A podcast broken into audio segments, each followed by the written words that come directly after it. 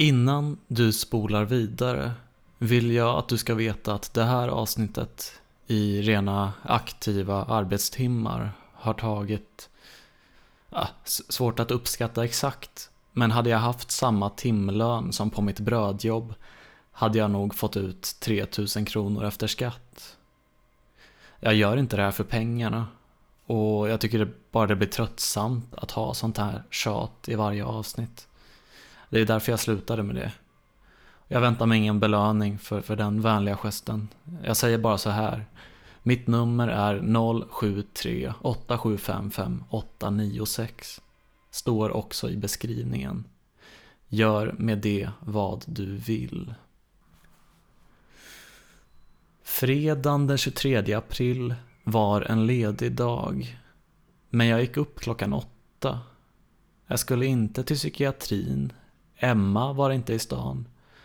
Jag skulle inte heller träffa Mikaela. Ändå duschade jag och gjorde mig i ordning. Jag och Diesel hade länge pratat om hur trevligt det vore om jag kom och hälsade på honom i Göteborg. Egentligen var jag ju ingen som gjorde sådana saker.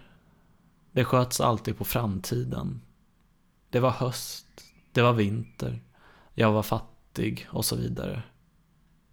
Men nu, nu vårade det för fullt och prisa Gud, skatteåterbäringen hade kommit. 14 glada laxar lekte i den porlande plånboksbäcken. Jag hade gjort slag i saken, helt enkelt. Nyduschad och med packad ryggsäck anlände jag till centralstationen. Jag hade aldrig tagit regionaltåg därifrån förut eftersom jag bodde i Södertälje när jag senast hade lämnat Stockholms län på räls. Men de låg ju där pendeln brukade gå innan den underjordiska stationen invigdes. När det nu var 2017-2018. Som jag minns det hade den fortfarande ett nyhetens välbehag när jag och Jenny hade anlänt dit 21 december, två och ett halvt år tidigare. Jag kollade tabellen. En halvtimme kvar, visst var det så? Dubbelkollade tågnumret och la plattformen på minnet. Ingen stress. Jag gick in på Coop och köpte ett paket Delicatobollar som frukost till lika färdkost. Jag undrade som vanligt varför de inte hade låsta svängdörrar som krävde kvitto vid självskanningskassorna. Det fanns ju överallt annars. Och bristen på liknande system här måste ju öka risken för snatteri något enormt. Men de hade väl förvisso redan tillräckligt med övervakningskameror och väktare på stationen för att väga upp för det. När jag gick upp på perrongen blev jag nervös. Hade det inte stått något på biljetten om att munskydd var ett krav? Jag hade fått ett tvättbart skydd i julas, men det hade jag inte med mig. Vad skulle hända? Skulle jag bli avkastad? Panikartat letade jag upp en Selecta-automat och... Eh, det var som jag hade hoppats på. De sålde engångsskydd. Tåget stod redan på perrongen, vilket drev på min stress ännu mer. Men när det stod att det skulle avgå först om 20 minuter. Måste vara ändstation på rutten. Oh, lyx. Det var dubbeldäckare. Men besvikelse infann sig snabbt när jag insåg att jag hade plats på bottenplan.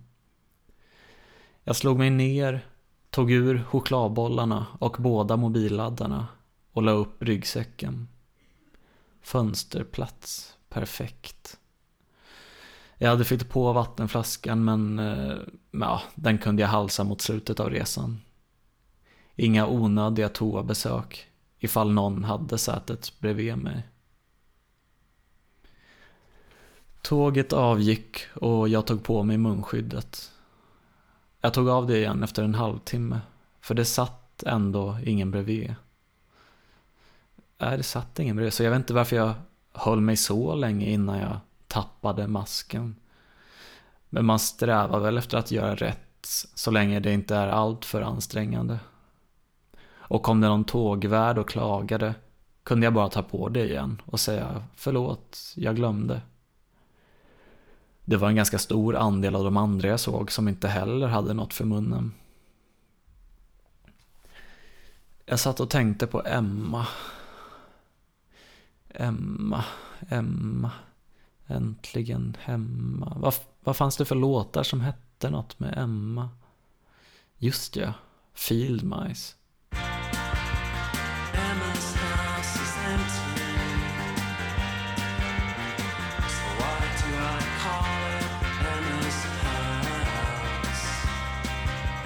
En indieklassiker. Men ganska tråkig och substanslös. Jag lät den spela till slut och hoppades på bättring i de rekommenderade låtarna som automatiskt slogs på efteråt. Och det dök faktiskt upp något som lät intressant. Close Lobsters. Vilket bisarrt namn. Jag avbröt låten som satts på automatiskt och tänkte att ja, jag lyssnar på hela, hela skivan. Debutskivan Foxheads Stalk This Land. Också ett namn man la på minnet. Jag lyssnade igenom den i fullo. Vissa förglömliga spår, men många snygga melodier. Det här måste jag lyssna på igen. Tåget var nu framme i Örebro, så jag tog en bild genom rutan och skickade till Marcus Allard. Jag hade tråkigt.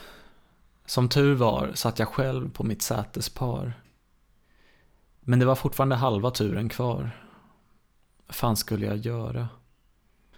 Jag laddade ner ett nytt Idle-spel från utvecklaren som hade gjort så klassiska titlar som Adventure Communist och Adventure Capitalist.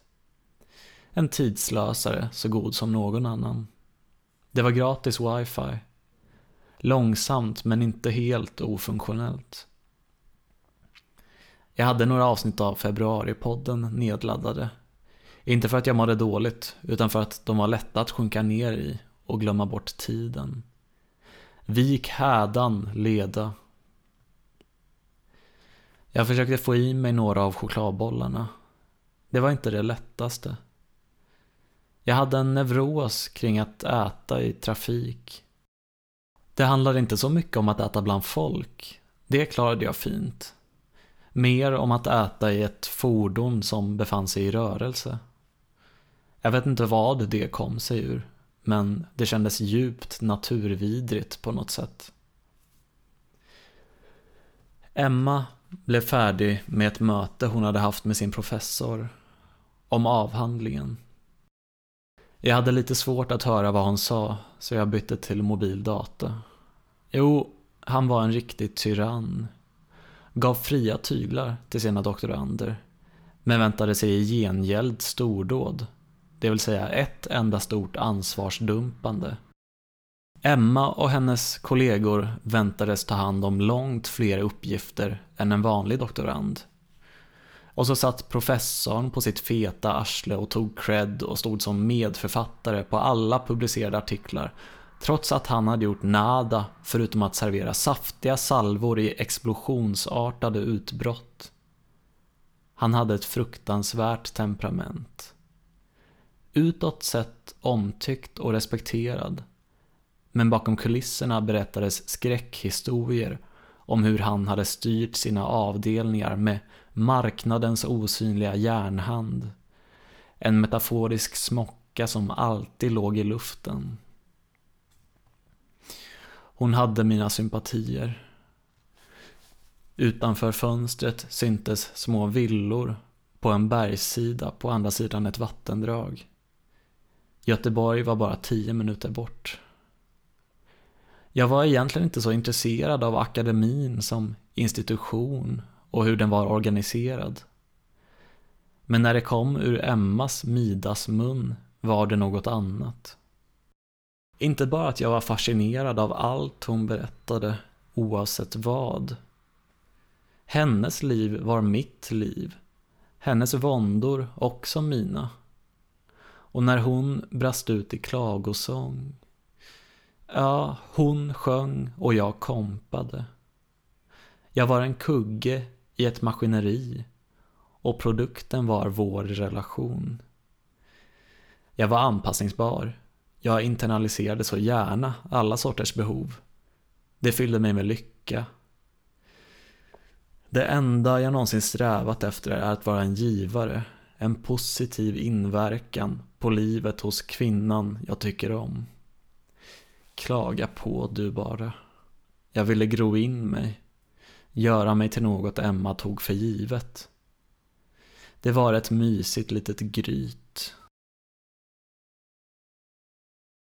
Efter ett kort avbrott ringde jag upp igen och vi pratade en stund när jag vandrade runt planlöst på Göteborgs centralstation.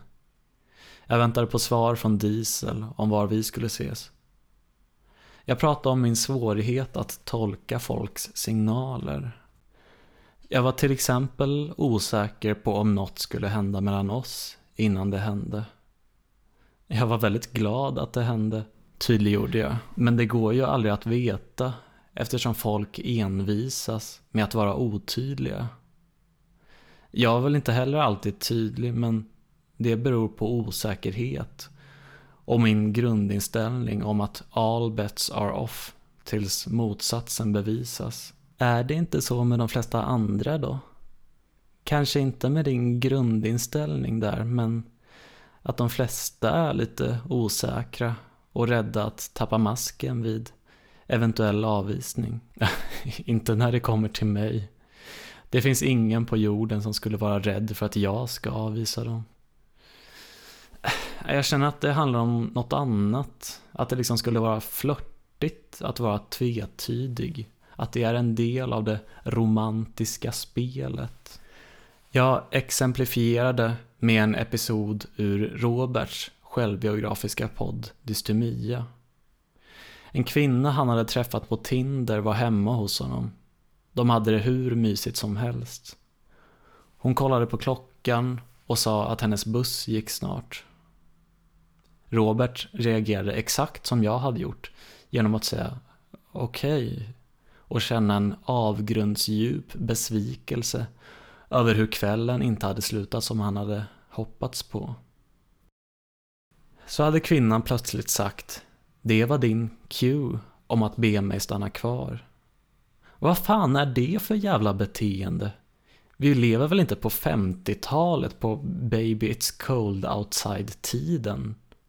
Säger någon ett konstaterande tar man det som ett faktum, inte en förhandlingsbar eventualitet. Man är då tafflig och får skit för att man inte var en sån som sa hora på högstadiet, för att man inte ägnar sig åt manipulativa beteenden som gränsar till tjatsex.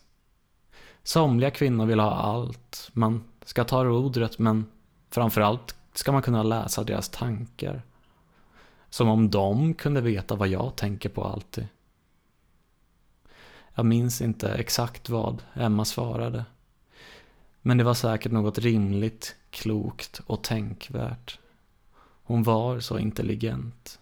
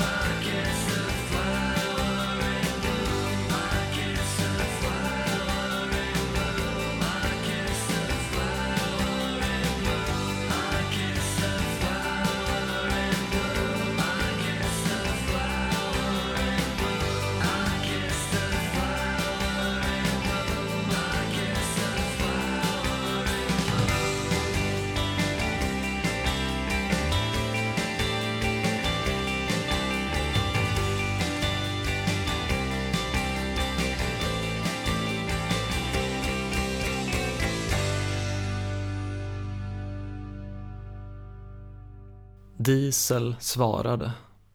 Han skrev att han skulle komma och möta mig vid ett närliggande torg. Jag gjorde mitt bästa för att navigera i ett virrvarr av spårvagnar. Har ni hört talas om övergångsställen eller? I Stockholm existerade sådana även där spårvagnen går. Det var underligt att träffa en person för första gången som jag hade pratat i telefon med i säkert 30-40 timmar sammanlagt. Men jag var en, kände mig ändå så pass bekväm med honom att jag inte gav honom någon specialbehandling. Som jag gjorde med kvinnor jag ville imponera på, eller arbetsgivare. Väldigt sporadisk ögonkontakt. Blåsten bådade inte gott för kvällen. Jag vet inte varför jag aldrig lärde mig. Jag hade inte med någon jacka, bara t-shirt och skjorta. Väldigt dumt när jag tänker efter. Jag hade inte med mig något annat förutom medicin och laddare och vattenflaska. Så min vårjacka hade utan problem fått plats i ryggsäcken. Nåja, jag tog mig friheten att göra samma gamla misstag gång på gång. Är det olagligt att vara optimist nu plötsligt? Jag klär mig efter det väder jag vill att det ska vara och hoppas på det bästa. Det blåser alltid i Göteborg, sa Diesel. Även om jag inte hade tillräcklig egen erfarenhet att vare sig bekräfta eller vederlägga hans tes höll jag med. Jag litade på hans empiri och det är alltid kul att tala i absoluta termer. Tål att upprepas, det är alltid kul att tala i absoluta termer. Det är så mycket man hör talas om. Eller ja, mycket och mycket. Liseberg har jag varit på. Feskekörka har jag varit i. Och Chalmers har Emma gått på, men det vet jag inte var det ligger. Majorna, Andra lång och masthugget är ord som kommer till mig. Andra lång ska vi till sen, svarar Diesel. Han pekade i en riktning och sa att där borta var Majorna. När vi gick i en grönskande stadsallé. Uh, jag är rätt jävla hungrig. Ska vi ta varsin pizza? Jag var inte så himla hungrig, men jag kände att det var bra att peppra på med fett i magen inför kvällens eskapader. Vi satt på en uteservering och drack varsin öl i väntan på pizzorna. I vanliga fall hade jag känt ekonomisk vånda över något så slösaktigt som att äta ute. Men så tänkte jag på de 14 glada laxarna som simmade fritt på saldot. Något ska man väl ändå lägga sina alltför hårt beskattade slantar på. Jag var ju ändå i Göteborg. Diesel berättar att hans studentfirande hade varit på något närliggande hak. De hade tvingats stänga på grund av pandemin. Det var det som sades utåt i alla fall. Men alla visste ju att det var kopplat till att ägaren hade våldtagit någon stackars brud. Efter pizzan fortsatte vi att vandra lite planlöst. Men vi var på väg mot Andra Lång, där vi skulle möta Diesels tjej, Tess. Diesels huvud vände sig när vi gick förbi en gobbe på gatan. Och han viskade lite diskret en fråga. Såg du vem det var? Jag vände mig om och krossade alla hysch-hysch pretensioner. Nej, ingen aning. Ruben Östlund, svarade han. Man ser honom då och då här i krokarna. Jag har ingen aning om hur han ser ut. Jag tror inte ens jag har sett någon av hans filmer. Det är bra det, svarade Diesel och höll en skollande diatrib som varade i flera minuter. Andemeningen, vad jag minns, var att Ruben Östlund var en jävla tönt. Tess kom vandrande längs en fin gågata. Vi hade ju heller aldrig träffats förut. Jag hade kanske önskat en mer formell introduktion, skaka hand eller något. Men vi kom in på en dålig start när hon bara vinkade och sa hej. Vi presenterade oss inte ens för varandra. Vi formade liksom ingen enhetlig grupp vi tre, utan hela helgen blev det mer som att jag och Tess hade varsitt parallellt umgänge med Diesel på samma gång. Vi fortsatte gå medan de två pratade om hennes dag. Jag hade inget att tillägga eftersom jag saknade förkunskap. Jag hade ingen relation till hennes före detta kollegor på Pressbyrån vid Centralen som hon hade sprungit in i. Det blev istället några minuters tyst observation på nära avstånd. Han, en ganska festglad och frispråkig Allingsåsare vars räddande drag från att vara en outhärdlig gåpåare var hans naturliga karisma. Jag hade ju egentligen svårt för folk som tog mycket plats. Men med Diesel spelade det ingen roll vad. Hade han något att säga ville jag höra det. Han var i alla fall inte banal. Han tog ofta den mindre resta och mer bespottade vägen. Och han var ingen bog standard glad festprisse heller. Han hade glasögon och läste Stig Larsson och kollade på creddiga filmer. Vilket också vägde upp för att han gymmade. Hon. Ja, jag kunde ju inte uttala mig om annat än ytliga attribut eftersom jag inte kände henne. Jag ska inte säga att hon hade ett södra latin-utseende. För hon såg inte ut som, som om hon hade försökt göra sig fulare än hon var. Och hennes frisyr var ändå en bra bit mycket mer rimlig än, än sådana. Men ändå en sån skarp lugg. Gud, nu låter formuleringen som att jag sa att hon inte försöker vara fulare än hon är. Hon är som på riktigt. Nej, hon såg väl bra ut. Som en arketypisk poptjej tidigt 2020-tal. Hon spelade också bas och kanske sjöng i något röjigt popband. Båda två hade ett välsmort munläder. Hon verkade inte heller känna några skrupler för att säga vad hon tyckte och tänkte. De var väl en bra match för varandra. Och betedde sig mot varandra som par brukar göra. Fan visste jag om sånt. Men de kanske kunde vara positiva förebilder för mig i den aspekten. Något att sträva efter. Kings Head, andra lång. Vi slog oss ner och jag fick utrymme att vädra om min egen situation. Som var så långt bort från deras idylliska sambotillvaro man kunde komma. Uh, Emma eller Mikaela. Emma eller Mikaela. Jag måste välja. Jag visade stolt upp bilder på Emma. Diesel sa att visst, han kunde medge att hon inte såg dålig ut. Men han hade svårt att förstå mina florerade beskrivningar och min extrema attraktion. Jag tänkte lite att han var dum i huvudet. Men vad fan hade hans åsikt för betydelse? Han var ihop med en brud som nästan hade ett södra latin-utseende. Egentligen var jag bara glad över att han inte fattade grejen. Jag hade varit rädd för att Emma var lite för normsnygg. Att Mikaela var den lite mer avvikande. Som jag egentligen borde falla för. Jag hade fått nog av normsnygga sedan Maja och Patricia. Jag fattar inte varför någon ville ha en partner som andra tycker är snygg. En motbjudande statussymbol, en jävla trophy wife. Jag ville inte gilla radiopop. Jag ville ha mitt lilla indieband som ingen annan fattade eller ens hade hört talas om. Jag ville inte ha konkurrens av andra. Jag ville inte ens spela på samma bräde.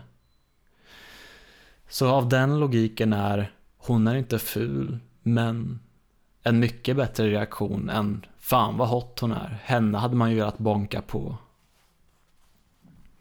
Jag berättar såklart om Mikaela också. Om vilken jävla människa hon var. Och allt coolt hon hade sett och upplevt och vilka creddiga sammanhang hon hade setts i. Men det kom som vanligt i andra hand. En blindtarm som hakades på som en efterhandskonstruktion för att rentvå mitt stackars samvete. Jag måste välja. Måste du verkligen det? Kanske du frågar dig. Ni var bara två personer som träffade varandra. Ni hade inga plikter gentemot varandra. Du träffar någon annan, hon träffar säkert också någon annan. Vad fan är grejen? Sånt händer hela tiden. Har hänt förr och kommer alltid att ske. Jag har bara en sak att säga som svar på det. Ni har inte hela sanningen. Jag är ingen pålitlig berättare. Jag har fört er bakom ljuset, liksom jag gjorde med Mikaela. Det var över en månad tidigare. Mikaela hade mått så fruktansvärt dåligt av mitt agerande. Mina tvetydiga signaler, all otydlighet hit och dit. Att hon ställde mig ett ultimatum. Vad är vi? Antingen säger vi uttalat att vi dejtar eller så måste hon helt bryta kontakten med mig. För sin egen mentala hälsas skull. Jag hade svarat att jag måste sova på saken. Och bara det är väl ett väldigt dåligt tecken. Jag skulle hem till far över helgen. Innan jag gick till pendeln anförtrodde jag Emma om problematiken. Jag skrev att jag inte visste hur jag skulle göra. Jag tyckte om Mikaela väldigt mycket, men det fanns ju en person jag tyckte om ännu mer. Hon fattade vinken och svarade att jag inte skulle räkna med något med henne. Hon var fortfarande inte känslomässigt redo för något. Som tips för att motverka min beslutsångest bad hon mig singla slant. Vadå? Bara lämna åt slumpen? Nej, det viktiga är inte utfallet. Utan det viktiga är att innan du tittar efter om det blev krona eller klave så känner du noga efter vad du hoppas att det ska bli. Det är det valet du ska ta. Det var inte första gången Emma blev varsegjord om att jag och Mikaela hade en grej. Det för oss till kanske det svinigaste jag gjort. Jag hade övernattat hos Mikaela och hon lät mig stanna kvar i lägenheten medan hon var på kontoret en stund och jobbade. Jag hade med min dator så jag satt och slipade på manuset lite. Mot eftermiddagen låg jag i hennes schäslong och pratade med Emma. Lite tillfyllnad av Carlsberg berättade jag om hur läget stod till.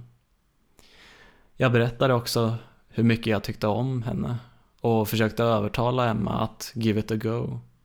Emma försökte argumentera emot när Mikaela plötsligt kom hem. Istället för att avbryta samtalet som en normal, rimlig, inkännande person och någon som är en bra, bra på att sopa undan efter sig skulle ha gjort så sa jag bara till Mikael att jag skulle komma och hjälpa till med maten om tio minuter. Jag måste bara avsluta ett telefonsamtal först. Jag litade inte på min förmåga att hålla röstvolymen nere av tidigare erfarenhet. Istället började jag spontant tala i kod. Du säger att det inte skulle funka eftersom de är i olika faser av livet. Att han inte har varit och rest runt och sett världen medan hon redan gjort det och bara vill slå sig ner. Men tänk om han inte vill resa runt och se världen? Tänk om han nöjer sig med anspråkslösa krav på tillvaron och bara vill gosa ner sig med någon han tycker mycket om? Tänk om han kommer från ett litet samhälle och tanken aldrig ens slagit honom att ta några år i Amsterdam eller New York eller London. Emma fattade vinken direkt såklart och samtalet fortsatte i några minuter. Som svar på Mikaelas oskyldiga fråga om vem jag hade pratat med sa jag att det var en kompis. Hon som hade varit på dejt med den där komikern du vet. Hon har en hopplös skotsk kompis som alltid har relationsproblem.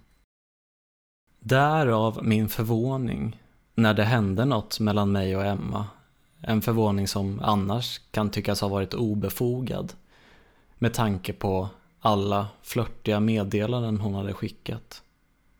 Hon hade på förhand telegraferat tydligt att det inte kunde bli något för att 1. Hon var inte känslomässigt redo för något och två, Vi befann oss i allt för olika perioder i livet. Och därav mina skuldkänslor för trots vad jag hade hoppats på när jag singlade den där slanten hade jag svarat Mikaela att okej, okay, då är det officiellt. Vi dejtar varandra. Varför hade jag sagt det?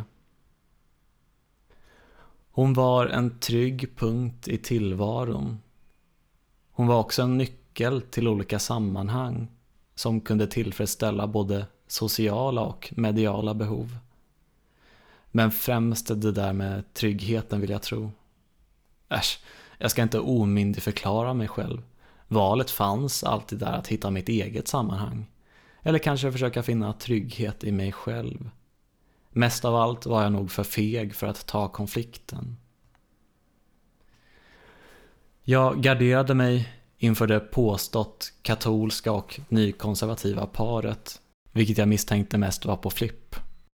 Med att hänvisa till hur svårdefinierat begreppet att dejta var. Det betyder väl egentligen mest någon man går på dejter med. I amerikansk kultur verkar det inte alls betyda ett trohetslöfte, utan att man snarare uppmuntras till att träffa flera samtidigt. Keep your options open fram till dess att det naturligt trillar över i ett seriöst förhållande. Jag vet inte hur datingkulturen ser ut i Sverige, om vi ens har någon sån, men vi är ju så amerikaniserade i övrigt nu för tiden att det säkert är likadant här också. Jag gjorde mig dummare än jag var, som ni säkert förstår. Även om Mikaela inte hade verbaliserat sina förväntningar till 100% var det ju självklart utifrån sammanhanget. Hon hade mått dåligt på grund av en osäkerhet kopplad till vad jag kände för henne. Det hon var ute efter med sitt ultimatum var tydlighet och ett ja eller nej från mig skulle signalera om jag tänkte committa eller inte. Hon ville ha det antingen hackat eller malet så att hon kunde bearbeta sorgen och gå vidare eller bli trygg i relationen och sig själv. Men jag hade givit henne både hackat och malet.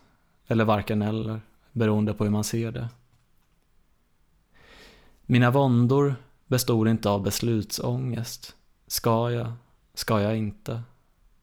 Jag hade redan gjort mitt val för länge sedan. När jag svarade okej okay då, let's give it a go. Till mitt försvar ska sägas att jag då inte trodde att det skulle bli något med Emma. Men det håller inte i rätten.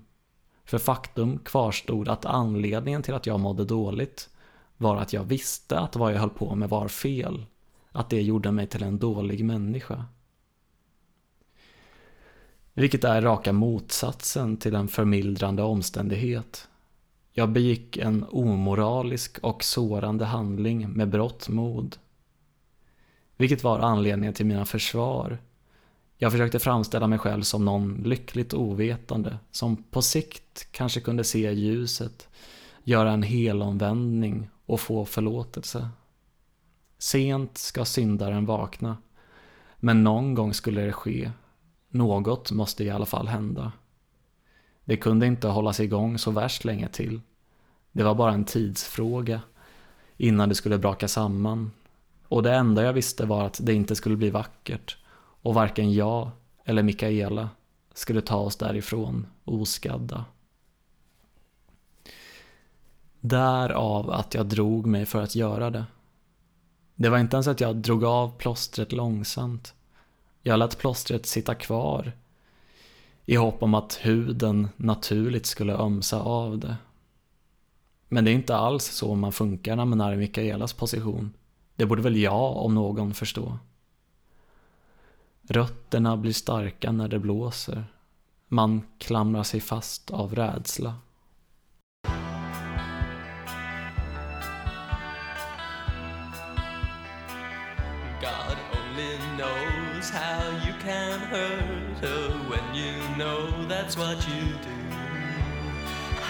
does it feel to be so cruel? Will you never be contented with your love? Will you always be the one who won't look back when you go down on your so hard?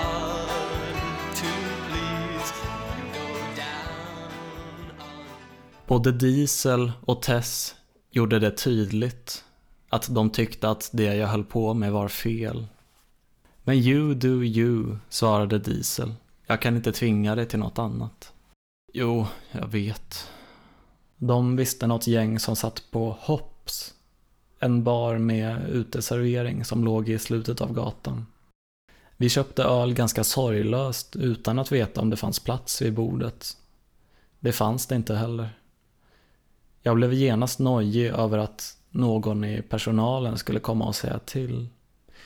I protest la jag min öl på ett närliggande bord. En sån rad skolgårdsbänkar med bord som satt ihop med två bänkrader på varsin sida. Jag vägrade dricka en enda klunk innan vi fick någonstans att sitta. En kille, blond och lång, tog väldigt mycket plats och gav ett smått obehagligt intryck. Tror han hette Ivan eller något i den stilen. Jag kände mer och mer att jag inte kunde se det som en utmärkelse att Diesel var min vän. För han verkade inte vara särskilt selektiv med sitt umgänge. Det var väl i och för sig en naturlig konsekvens av hans skärm. Han kom överens med alla. Har man ett så stort kapital kombinerat med ett omåttligt socialt behov var det inte konstigt att man blev promiskuös. Man får inte vara kräsen. Han var en manlig histrioniker fast valutan sex är utbytt mot socialt umgänge. Jag satt och försökte prata med Tess en stund. Men det gick inte. Jag visste inte ens var jag skulle börja. Jag provade lite lampinnesnack men hon var inte så himla mottaglig som man hade hoppats på av någon som var tillsammans med Diesel. Jag blev påminn om utekvällarna med Alexandra där man alltid hamnade i gäng med folk man inte kände och inte hade något gemensamt med. Jag saknade det inte det minsta. Jag var ingen glad, röjig ungdom som gillade att festa. Det var jag inte då heller, men då hade i alla fall beteendemönstret subventionerats känslomässigt av att jag var kär i Alexandra. Här fanns inget sånt att hämta. Men jag höll god min och försökte spela med. Här skulle inte suras och vara negativ. Det hade varit oartigt mot värdparet, som verkligen gjorde sitt bästa för att visa mig vad Göteborgs uteliv hade att erbjuda. Jag gick på toa, skickade en bild till Emma och löste lite sudoku. När jag kom tillbaka blev det bättre. Någon hade börjat prata om Anton Magnusson podcast. Både Diesel och Tess pratade så sorgset om Jimmy och jag stämde med i sorgen också. Jag tog upp en teori från Flashback-tråden om att det handlade om Jimmys snålhet. Att de hade delat upp i två patrons precis innan drevet. Då Antons hade skjutit i höjden till typ 15 000 per avsnitt. Medan Jimmys hade legat kvar på ja, kanske en, en tiondel av det. Det var den förklaringen som kändes mest trolig då i alla fall. Man hade inte så mycket annat att gå efter. Jag väntade många minuter på ett naturligt avbrott i samtalet så att jag skulle få skryta om att jag kände Simon Gärdenfors. Vid det laget hade vi flyttat ut på uteserveringen. Väldigt fint väder, men vi drog snabbt vidare till nästa ställe. Här någonstans blir mina minnen väldigt vaga. Jag minns att jag gav varsin Elvanse till Diesel och Tess med förvarningen om att de var långtidsverkande. Jag minns att jag gick på toa igen och skickade några bilder till Emma av den klassiska sunkhaksinredningen på toaletten. Klotter och klistermärken som täckte varenda centimeter av de vita kakelplattorna. Jag bad också om ursäkt för att jag hade visat upp en bild på henne för folk. Men tillade den något friserade sanningen att alla hade tyckt att hon var skitsnygg. Hon svarade att det inte var någon fara. Ännu ett miljöombyte. Efter några om och men, frågor i baren och fluktande genom entréer hittade vi ett ställe med uteservering och gott om plats. Diesel tröttnade på mitt eviga gnäll om hur kallt det var. Så jag fick låna en tröja tills vidare, medan han gick in och snackade med några han kände. Det var fortfarande ljust ute, men solen stod inte högt på himlen. Jag satt tyst i det främmande sällskapet. Svarade om jag blev tilltalad, men la en ansenlig del av mitt fokus på att ta så små klunkar som möjligt. Och att ha långa avstånd mellan läppjandet på glaset. För jag kände att jag måste bromsa lite. Jag var inte drängfull ännu, men det kändes som att det barkade ditåt om jag inte saktade ner. En riktig lättviktare var jag. Och som alltid var det en fördel om man kunde kontrollera sig, billigare och så vidare, men en nackdel om man inte kunde det, vilket var fallet för mig. Speciellt i sällskap av luttrade partypersoner med levrar av stål. Och speciellt när jag var så obekväm med det främmande sällskapet. Och som ett rent nervöst tick hela tiden. Jag kände att jag ville ta, ta små klunkar. Det lönar sig ju aldrig att vara dyngrak. Det är ett motoriskt och socialt handikapp bara. Men sån visdom är lätt att glömma bort när man tagit några järn. Vem vill retardera när man är i gasen liksom? En väldig tur att det var corona i alla fall. Så att man slapp förnedrande situationer med dörrvakter. Jag skulle inte ha blivit insläppt någonstans. Diesel vallade ut en Simon till bordet. Han såg riktigt sunkig ut. Jag tog upp det med bristen på vakter, men Diesel undrar om det inte var en Stockholmsgrej. Även innan pandemin var det aldrig särskilt många vakter och han hade aldrig haft problem att komma in på ställen hur full han än hade varit. Hmm, så kanske det var. Jag hade alltid haft inställningen att städer inte har någon särpräglad karaktär. Att en stad inte har någon själ. Att den aldrig är större eller mindre än ditt sociala liv och ditt sammanhang. Men nu när jag tänkte efter kändes Göteborg mycket mer öppen och inbjudande än Stockholm. Bara av kvällen hittills att döma.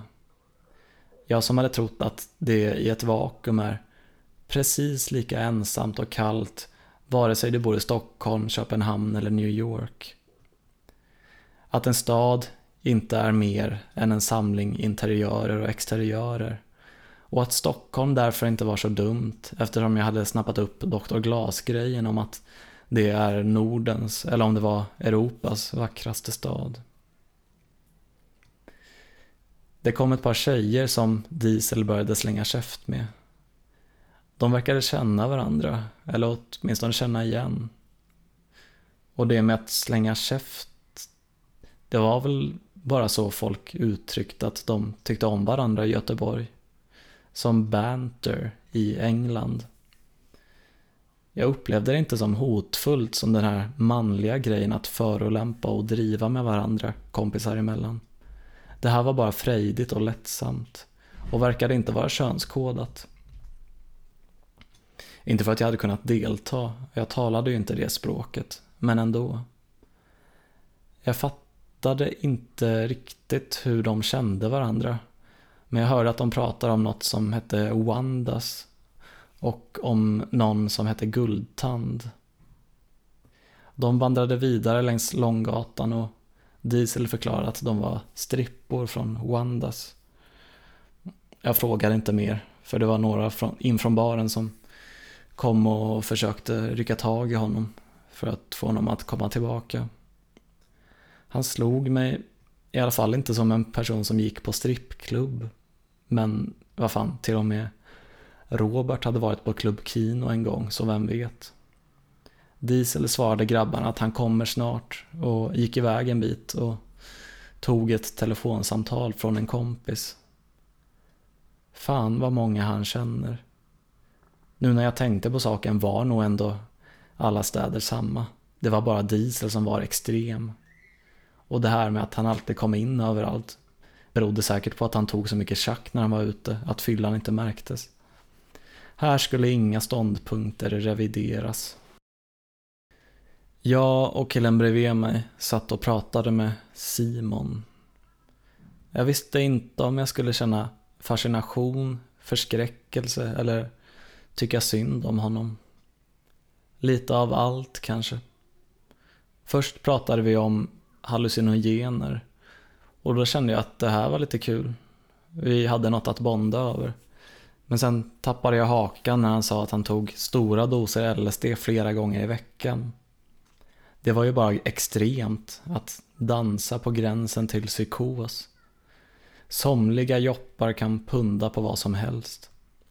Sen började han prata om alla övergrepp han hade blivit utsatt för som liten. Jag blev helt tyst igen.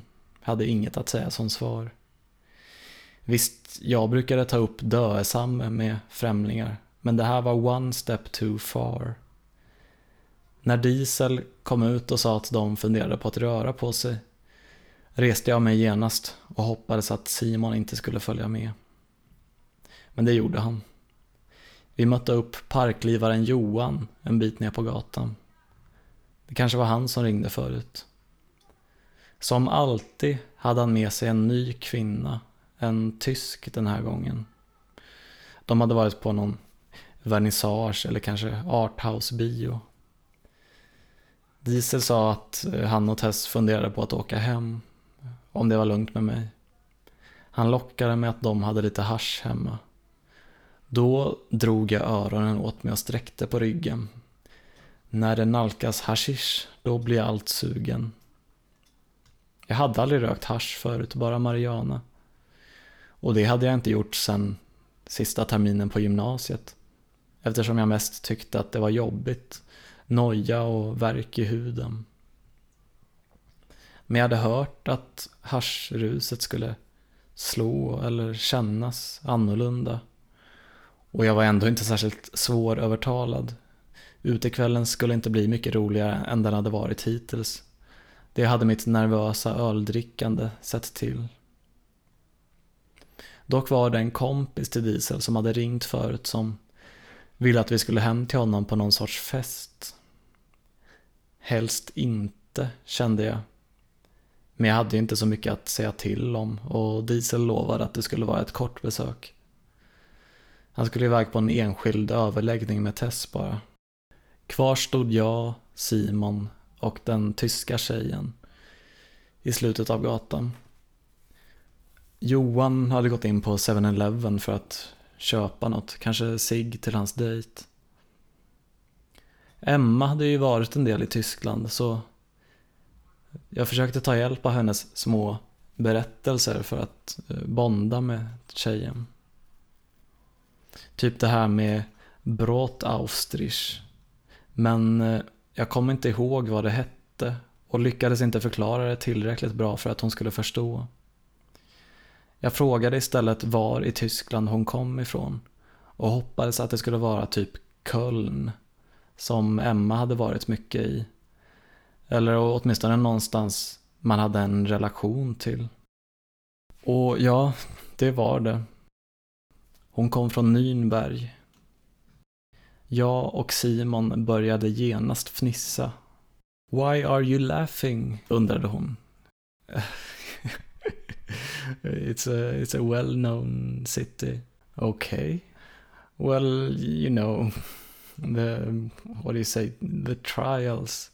Hon låtsades inte förstå vad vi menade.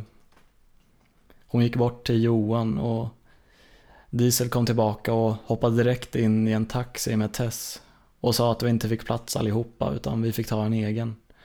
Han sa någon adress som ingen av oss uppfattade och stängde dörren innan vi hann be honom förtydliga.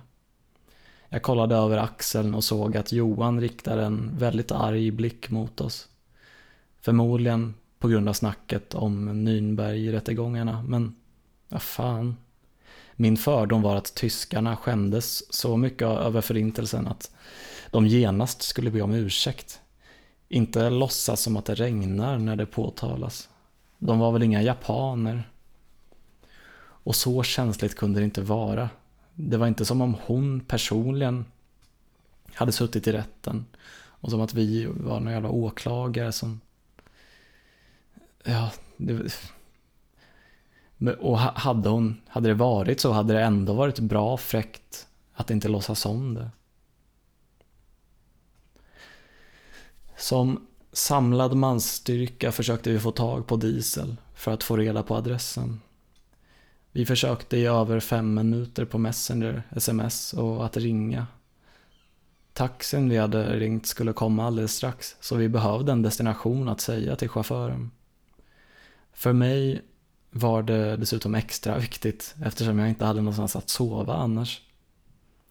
Till slut fick någon fatt på Tess och vi klämde in oss i taxin för en 15 minuters färd raka vägen till Majorna. Problemen tog inte slut när vi kom fram.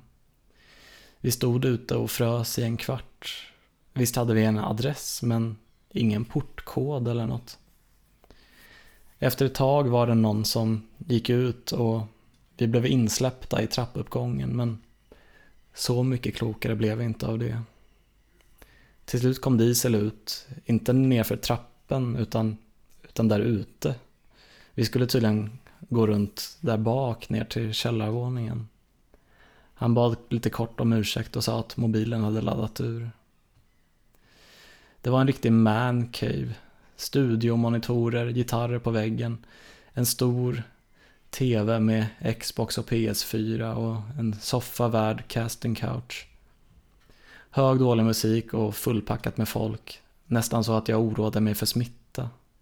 Det fanns ingenstans att sitta, så jag la mig ner väldigt obekvämt mot en vägg. Jag hade ingen lust eller ork att vara social. Jag hade ju inte tagit en Elvanse på kvällen som de andra. Två kunde jag väl bjucka på, men att gå tre back på en månad var farligt nära att de skulle reagera på det i psykiatrin. Jag försökte lösa sudoku ett slag för att fördriva tiden, men förlikades snabbt med att jag var för full och trött för att klara av en så utmanande uppgift. Jag skrev lite med Emma som förvånansvärt nog fortfarande var vaken. Men hon skulle precis gå och lägga sig. Jag plockade fram lurarna och hoppades att de skulle kunna dränka lite av oljudet. Tömde de sista dropparna ur vattenflaskan tillsammans med min nattmedicin och satte på en podd och slöt mina ögon. Det var väl sovdags för mig också. Turligt nog var vi inte på en krog där man hade blivit utslängd. Fan heller att vi bara skulle titta in en kort stund. Det hade gått över en timme sedan dess och jag visste inte var Diesel var. Säkert ute och rökte. Jag visste inte ens vem vi var hemma hos. Kanske den ljusskygga glasögonormen som stod i mitten med så mycket folk kring sig. Rejäla bågar. Jag tröttnade efter en kvart. Det gick ändå inte att höra så mycket av Della Pappa avsnittet. Jag gick ut och spanade. In igen. Jag hittade Johan men han hade ingen aning. Efter vad som kändes som en evighet dök Tess äntligen upp med dieselhack i häl. Grabbar och damer, det är kanske dags att tänka på refrängen. Eller vad säger ni? Jag manifesterade mitt passivt aggressiva medhåll genom att inte säga något alls. Tänka på refrängen. Jag kände att låten hade tagit slut för ett bra tag sedan. Vad fan var det här? En Grateful Dead-spelning? Taxi igen. Två gånger samma kväll. Det kändes dekadent. Det knep åt i pengapungen men jag hade nog inte klarat av att hålla mig vaken på spårvagnen. Och det blev inte så farligt dyrt när man delade på tre. Natten föll dovt och obemärkt över Kortedala. Jag lyckades övertala de andra om att se på film. De påstod att de inte var redo att sova än, vilket var mer än jag kunde säga själv. Det var väl tjacket. Hade nog helst sovit bara, men jag kunde inte missa chansen att få visa en film jag gillade. Det blev annars alltid en sån gruvlig besvikelse när folk sa nej till det. Jag pitchade in Naked. Jag gjorde det tillräckligt övertygande för att få dem att gå med på det. Men de ville väl också vara bra värdar. Kändes ändå passande med tanke på hur mycket av den filmen som var ett planlöst vandrande bland ljusskygga existenser i en främmande stad. Vi såg inte hela. Kanske tröttnade de, eller så somnade jag, eller både och.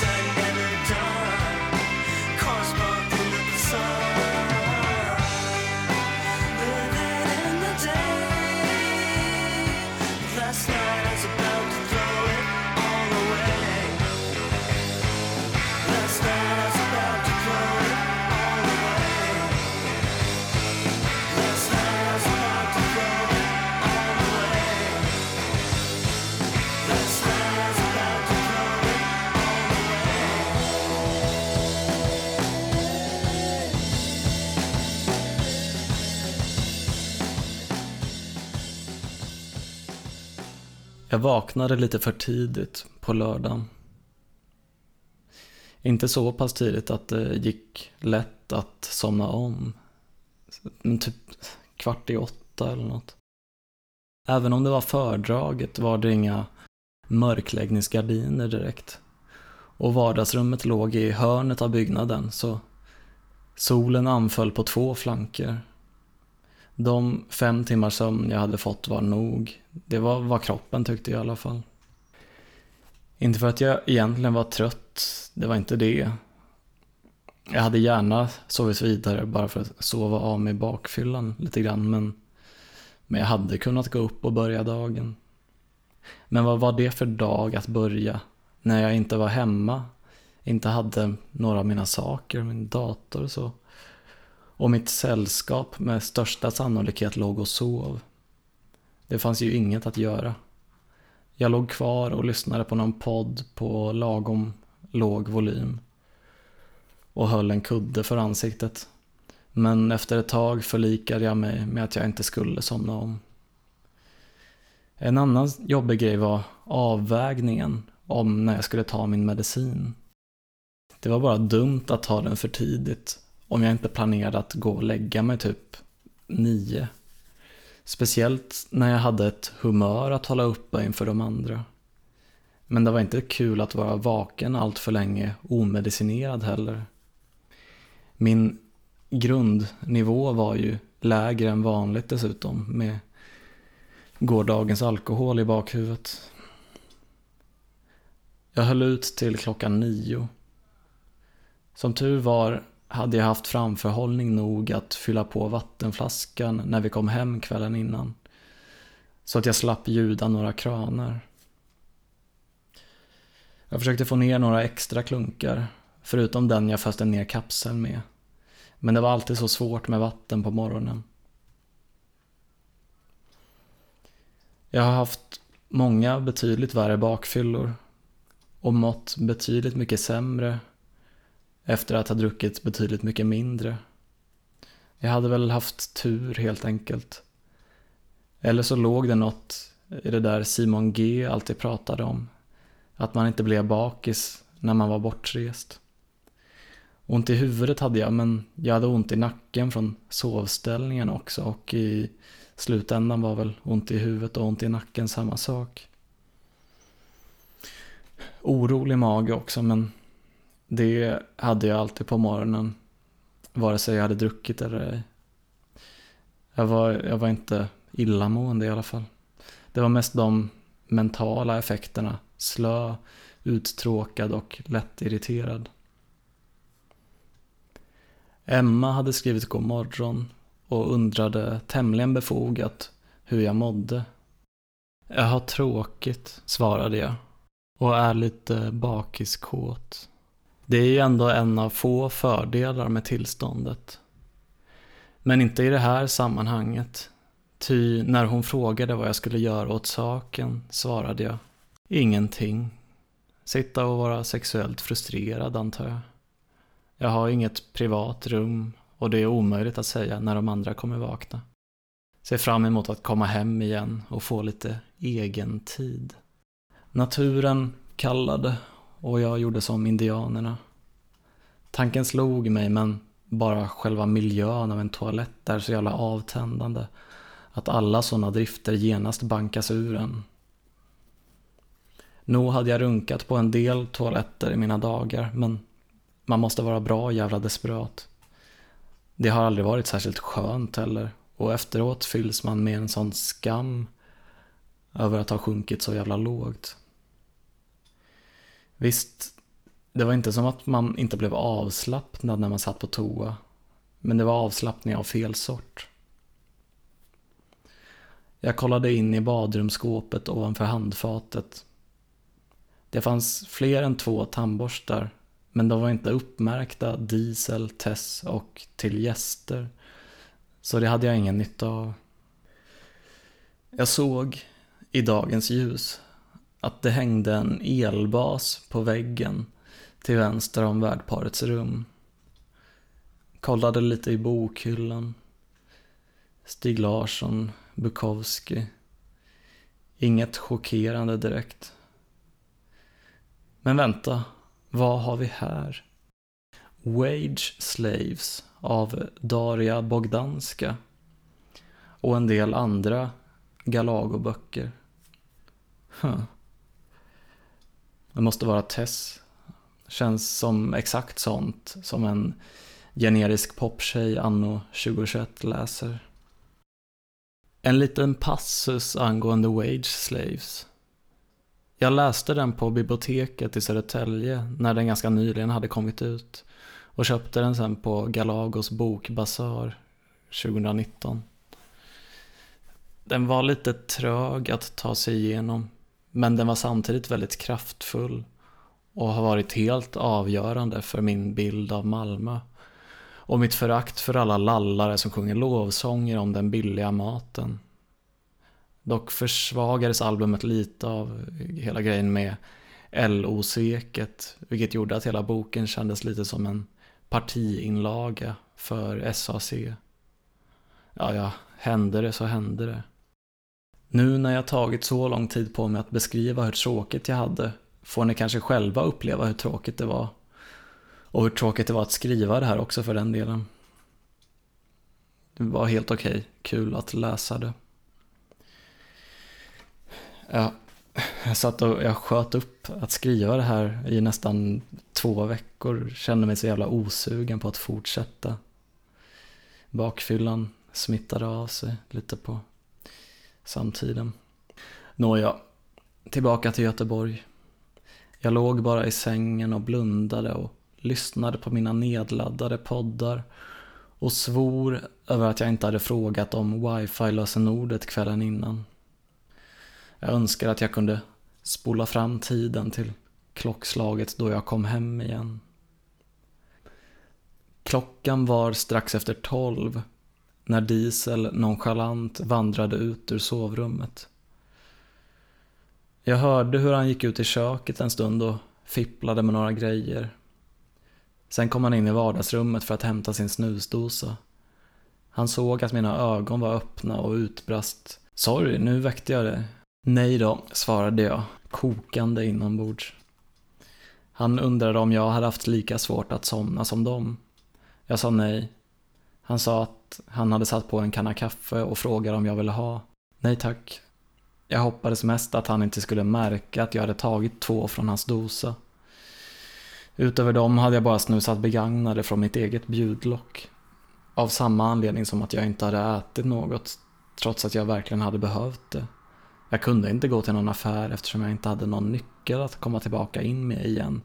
Eftersom de enda som hade kunnat ge mig en nyckel låg sjusovande i sitt rum fram till strax efter tolv. Vi gick ner till Hemköp tillsammans vi två. Vi var en dålig match bakis. Han var av typen som babblar på extra mycket för att kompensera den låga energin. Jag var det inte. Jag köpte ett paket filmjölk och ett paket Delicatobollar tror jag. Diesel köpte två flaskor Frouge. En till honom och en till Tess. Jag antydde att de led av den svaga genen, vilket han besvarade med ett försvarstal om att det faktiskt var jävligt gött när man var bakis. Bara när man är bakis? Visst, säkert.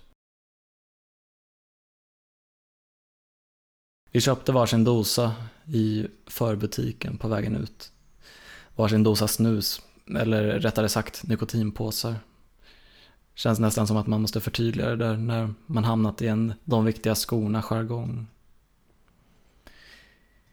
Vi satt på en bänk på Kortedala torg en stund och Diesel berättade gamla historier om när han och Allingsåsgrabbarna åkte in och röjde i staden med stort G som tonåringar. Den ena historien galnare än den andra. Ganska underhållande. Jag var något mindre grinig vid det här laget. Eftersom jag hade tvingat i mig minst 50 centiliter vatten och diverse slemhinnor hade börjat återfuktas. Framförallt bemötte jag historierna med häpnad. Det var så olikt min egen uppväxt bara. En hel kväll i yngre tonåren hade varit att sitta fyra grabbar på varsin kant av ett bord uppkopplade med sladd till en router och spela Counter-Strike Source och ha en stor skål lösgodis i mitten av bordet där alla fläktarna blåste varmt och tvingas proppa i sig för kung och fosterland innan chokladen hade smält helt. I mitten av tonåren, när jag började på gymnasiet typ, var en hel kväll att sitta och lyssna på Disco Inferno på repeat i fyra timmar, hög på damptjack som jag hade köpt från en kompis kompis som hade snott det av sin efterblivna brorsa.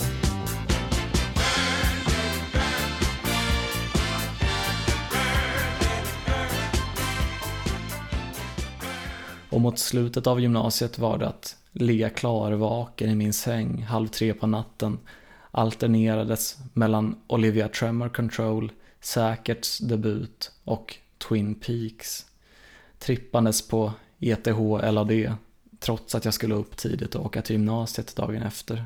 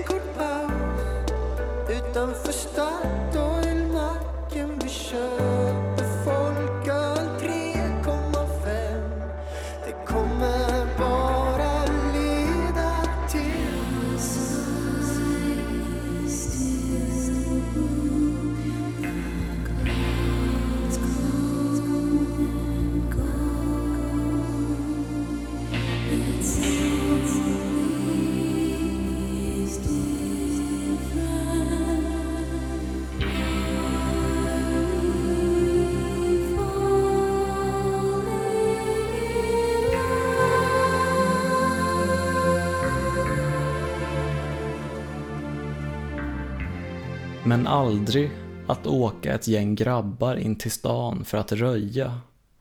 Det mest sociala var väl när vi lanade. Och allt efter det var bara en spiral som tenderade längre och längre in mot mitten. Mot mig själv, ren introspektion utan någon yttre blick eller kontakt med omvärlden. Jag tappade den kommunikativa aspekten minst sagt, vilket föranledde en mytomspunnen snedtripp som landade mig på akuten.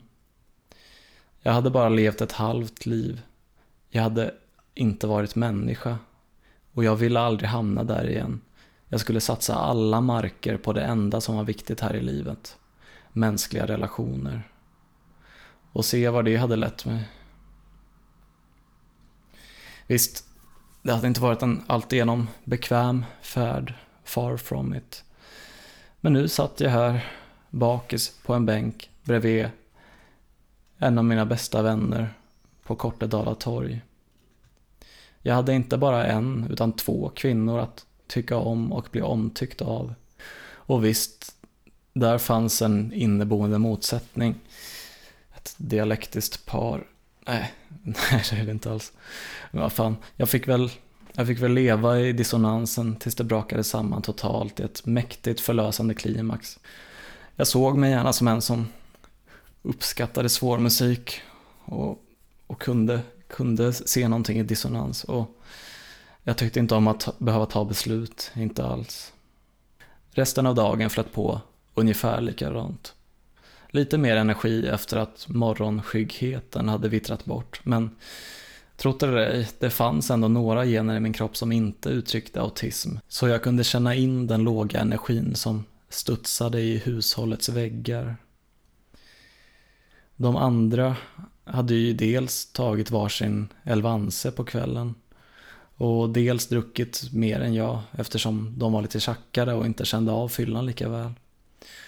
Så de hade sovit sämre och var mer bakis. De hade dessutom inte de här hypotetiska semesterendorfinerna att falla tillbaka på.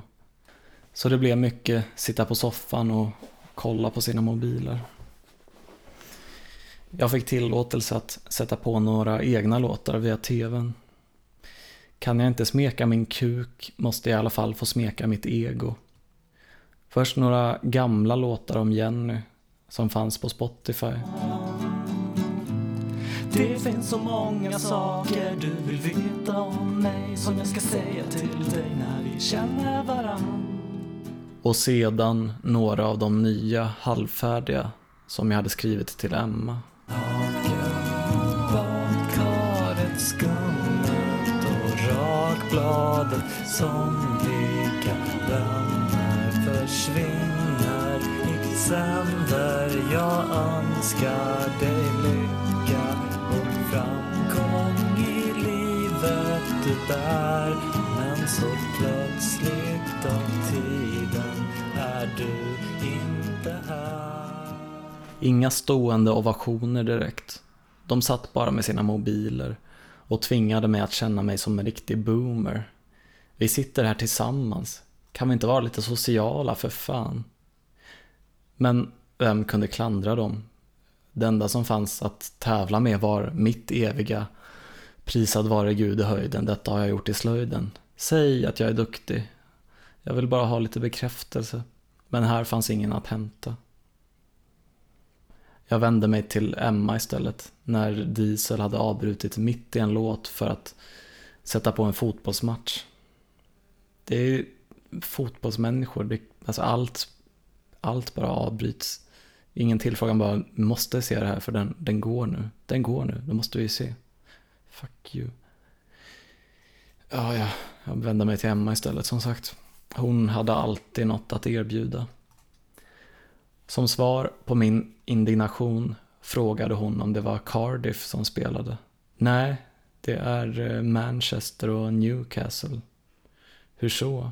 Hon skickade en bild, en selfie. Hon var i Cardiff med ett par kompisar, för detta högskolekollegor. Jag skrev att jag betvivlade sanningshalten och jag skulle uppskatta om hon hädanefter slutade ljuga mig rätt upp i ansiktet. För det var sol på bilden och inte ett får så långt ögat kunde nå. Så det kunde omöjligt vara Wales. Emma bad om ursäkt och skrev att hon skulle bättra sig. Bara sanningen från och med nu. Efter att ha genomlidit en hel fotbollsmatch för första gången sedan Sverige förlorade mot England i VM eller EM, vad det nu var. Vilket jag hade lagt på minnet främst på grund av Hellström-låten. Har någon hört något om Hurricane? Så rekade jag läget för dagen och kvällen med de andra. Absolut inte ut på stan. Nej, bra. Det hade jag inte lust med ändå. Fast jag hade tänkt på att kanske åka till Chalmers och ta en bild och skicka till Emma. Nej för fan, svarade Diesel. Fan ska du där och göra? Där är bara en massa chalmerister. Ja, gör som du vill. Men det är en bit att åka. Och vi kommer stanna här. Jag tog mod till mig och frågade om det där haschet som hade nämnts igår. Nej, alltså, men kom igen, snälla. Ni behöver inte röka något, det, det kan jag göra själv. Jag vill bara att något ska hända. Men tyvärr, nej. Det kändes inte som rätt läge för det, var allt jag fick som svar.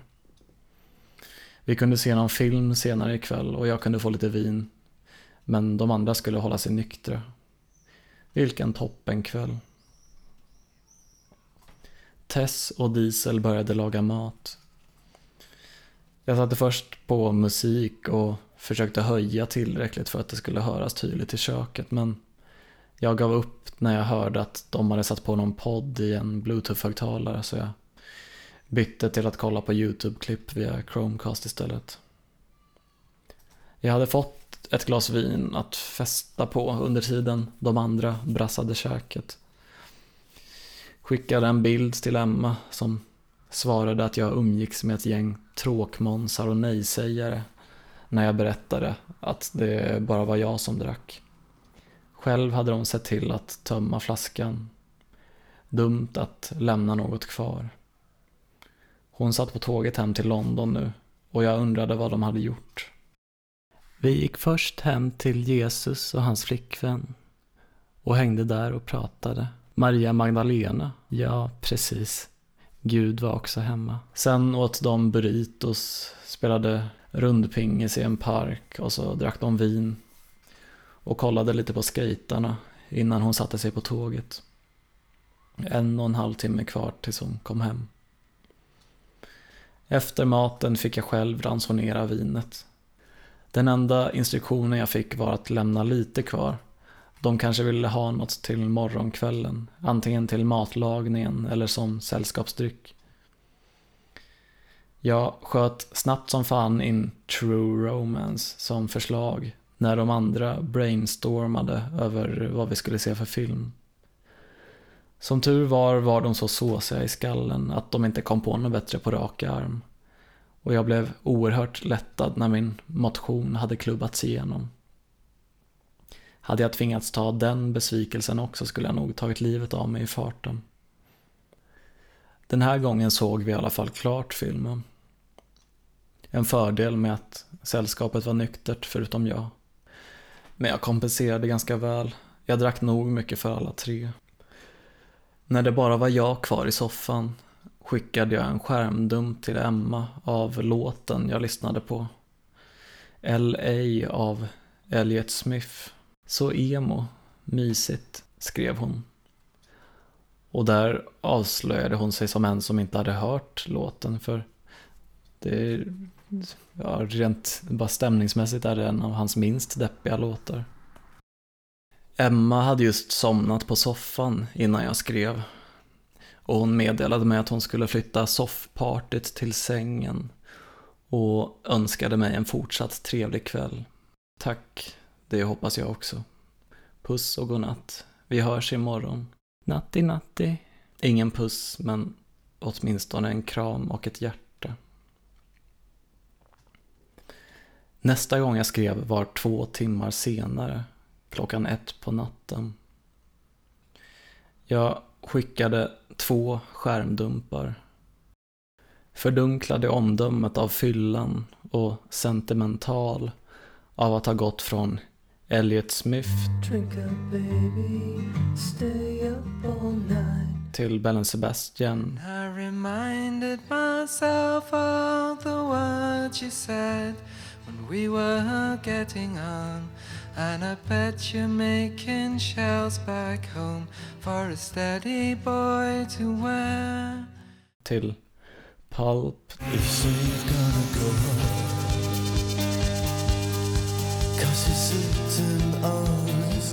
till Martha Wainwright. My heart was made for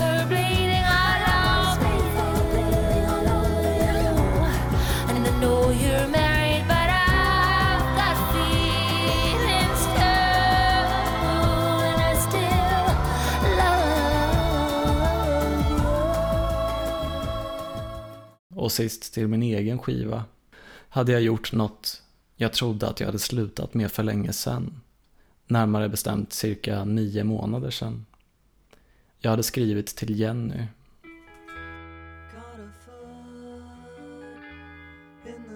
Citat från meddelande. Jag fick denna länkad till mig. Rätt rolig. Kom att tänka på dig på grund av staden. Den sätter ihop ens toppartister på Spotify till en affisch. Skärmbild, affisch med texten Manchester Pride 2021. Headliners är Robin Hitchcock of Montreal, Bellen Sebastian, Björns vänner och The Shins. Och så vill jag bara be om ursäkt för att jag är en jobbig person som inte kan släppa saker. Jag inser det. Men jag är lagd åt hållet att inte vilja klippa kontakten helt med personer som en gång betytt väldigt mycket för mig. Jag gjorde en låt som handlar om när vi träffades på Glada Stinsen första gången. Du behöver inte lyssna om du inte vill. Men jag tyckte den blev rätt fin. Och så en länk till låten. På Spotify. Flashbacks till min födelsedag året innan på Carmen då jag ställde frågan om det vore en bra idé att skicka låten till Jenny. Alexandra svarade att hon hade blivit jätteglad.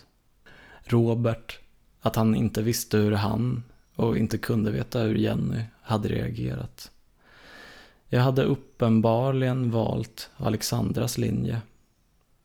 Det var väl den värld som jag ville leva i. Och om jag bara hoppades tillräckligt kunde det kanske bli sant. Jag somnade. En, två, tre, fyra.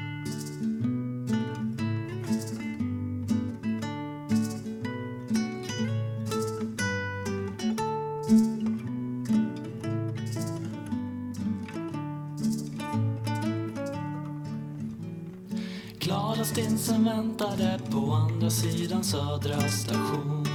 Lite för länge kanske Men i ditt umgänge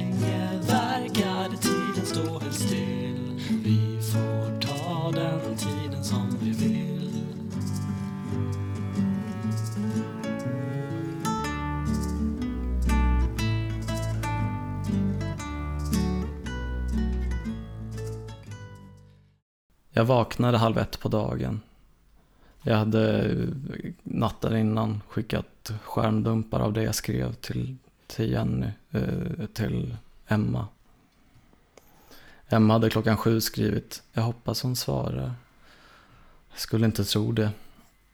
Jag förbannar att jag vaknade så sent. Det skulle bli svårt att somna ikväll med tanke på medicinen. Vi skrev en stund till. Jag la undan mobilen och satte på något på tvn. Nästa gång jag plockade upp mobilen slog bomben ner. Eller rättare sagt, bomben hade slagit ner redan 14.24.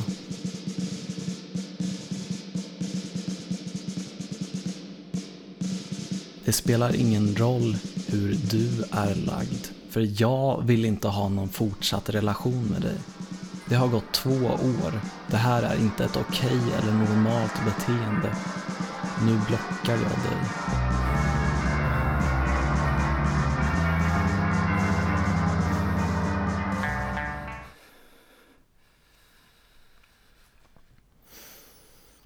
Jag skärmdumpade och skickade till Emma. Nu är vi lite i samma båt, skrev jag. Som jag kunde skriva eftersom jag fortfarande var i chocktillstånd. Även om känslorna strax skulle krocka in i mig i en bra bit över 100 km i timmen. Jag förstår inte varför hon gör så. Det känns som jag har missat något. Är hon arg på grund av podden? Jag vet faktiskt inte. Kanske. Emma utvecklade. Det här med normalt är ett ologiskt och irrelevant argument i sådana här fall. Är det normalt att klippa alla band efter att ha haft en relation med någon? Vem avgör det och vem bestämmer om det är viktigt? Jag svarade inte. Emma skickade en kram och skrev med stor emfas. Jag tycker om dig. Jag tycker om dig super, super mycket, svarade jag. Jag underdrev. Där och då hade jag kunnat skriva att jag älskade henne utan att ta i. Jag skrev också att det gjorde väldigt ont att läsa det, det Jenny hade skrivit, rent spontant. Men så kände jag ju inför konfrontationer överlag. Tiden hade läkt vissa sår. Mest av allt tyckte jag att det var tråkigt och ledsamt. Ja, det är det. Jag förstår verkligen precis. Precis. Men jag hade underdrivit. Det var inte lite tråkigt och ledsamt. Mamma hade övergivit mig för länge sedan och det hade jag väl på sätt och vis försonats med. Men att hon nu kom tillbaka för att spotta mig i ansiktet, utmåla mig som ett naturvidrigt freak, hugga mig i magen, den där sista av ben och brosk hårda centimetern, vrida om ordentligt för att bekräfta att mina värsta farhågor var sanna, att hon hatade mig med hela sitt hjärta och på så vis säkerställa att vålnaden aldrig helt skulle dö.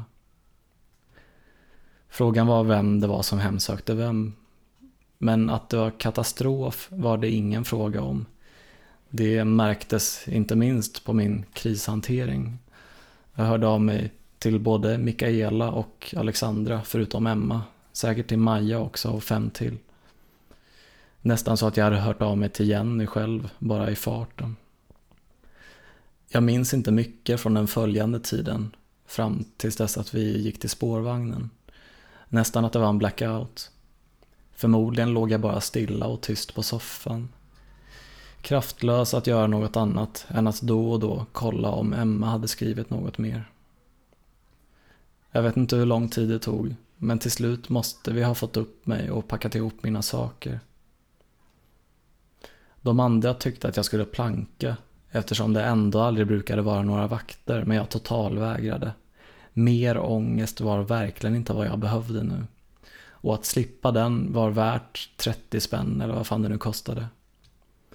Av något konstigt omvänt grupptryck köpte de andra varsin biljett också. Det kanske var osolidariskt av mig. Jag försvagade vår kollektiva förhandlingsposition. Det funkar inte om inte alla olovligen är med på tåget. Men det gav jag blanka fan i. De fick ha förståelse för min situation. Och det var väl inte mitt fel att de kände sig tvungna att också vara regelföljande får. De fick skylla sig själva. Vi åt på en snabbmatskedja vid Centralen. Ännu mer ångest eftersom det var totalförbjudet att sitta tillsammans vid samma bord. Något Tess och Diesel inte vek sig för. Inte heller Ante, som kom efter ett par minuter. Jag stod upp i ren protest, trots att jag hatar att stå upp.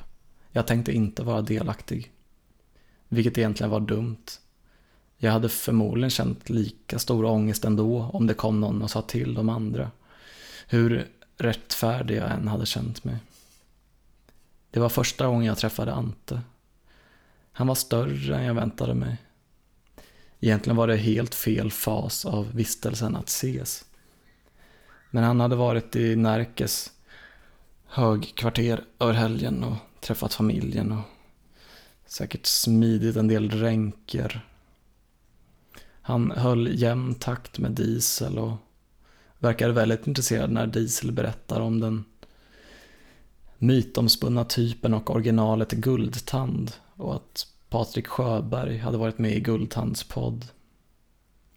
Det här var peak skämta om mössan Kill your local pedophile som ur fel vinkel bara lästes som your local pedophile. Jag hängde inte med i svängarna för jag var inte tillräckligt gammal för att veta om det var ett stilbrott eller gammal vana. Mitt första, och förutom det här, enda möte med Sjöberg hade varit när jag satt och sommarjobbade som arkivarie i ett av Södertäljes industriområden.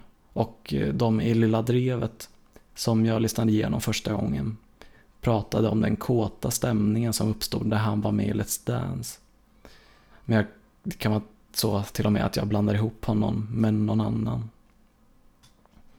Det enda jag egentligen visste om honom var att han var höjdhoppare och att han hade haft någon beef med Stefan Holm men jag kan inte för mitt liv komma ihåg vem det var som var boven i dramat. Och att han hade blivit tallad på av sin tränare. Och då är det väl inte det minsta anmärkningsvärt att han hatade pedofiler, eller? Det låg ren och skär elitism i botten. Det är folkligt att hata folk som förgriper sig på barn. Och folklighet är lika med populism och populism är lika med 30-talet och fascister som står och knackar på dörren som en vampyr som bara väntar på att släppas in. Samma anledning som att folk hatar Lamotte. Men det är väl en demokratisk nödvändighet att folkviljan får utrymme att pysa ut. Bättre där än via ideologiskt drivna aktörer, alla Avpixlat och Nordfront. Det är också så jävla fånigt med folks reflexmässiga reaktioner mot populism. Som att inte sossarnas maktövertagande i högsta grad var populistiskt, eller bolsjevikerna, eller vilken framgångsrik socialistisk rörelse som helst. Det handlar om att rida en våg och prova själv att hoppa ut med gitarren i ett tomt publikhav. Det funkar inte. Nog för att jag också störde mig som fan på Lamottes fjantiga röst och töntiga indignerade tonläge. Man får väl ändå kalla en spade en spade och erkänna att det i allra högsta grad låg ett folkförakt i botten. Reaktionärt, ja visst, men se dig själv i spegeln. Från medel och överklassens perspektiv är arbetarklassens åsikter alltid stämplade som reaktionära. Det är liksom en del av själva definitionen i princip. Som med redneck-begreppet som, i alla fall vad jag läst, från början var ett sätt att svartmåla arbetarklassen i amerikanska södern som korkade bönder för att deras radikala vänsteråsikter inte överensstämde med den rådande borgerliga ideologin. Nåja, nu har jag väl skrämt bort halva min lyssnarskara med den här ranten hämtad ur Marcus och Malcolms brunaste mörker. Men visst kunde jag medge att det fanns en stor humor i pedofilmössan. Vi tog en sväng till Lidl allihopa innan mitt tåg gick. Guds gåva till mänskligheten, som jag alltid hade sagt. Ante, som hade en tysk bakgrund, höll helt och hållet med. Jag köpte en chokladpudding med konstgjord grädde för att hedra Döe Sammes minne. Två små fruktyoghurtar på 7% fetthalt för min egen njutnings skull. Och ett sexpack 3-5 33 centiliter burken. Perlenbacher Premium. Ett märke så tyskt att inga andra livsmedelsbutiker ville ta in det i sortimentet. Men jag hade en lång resa framför mig.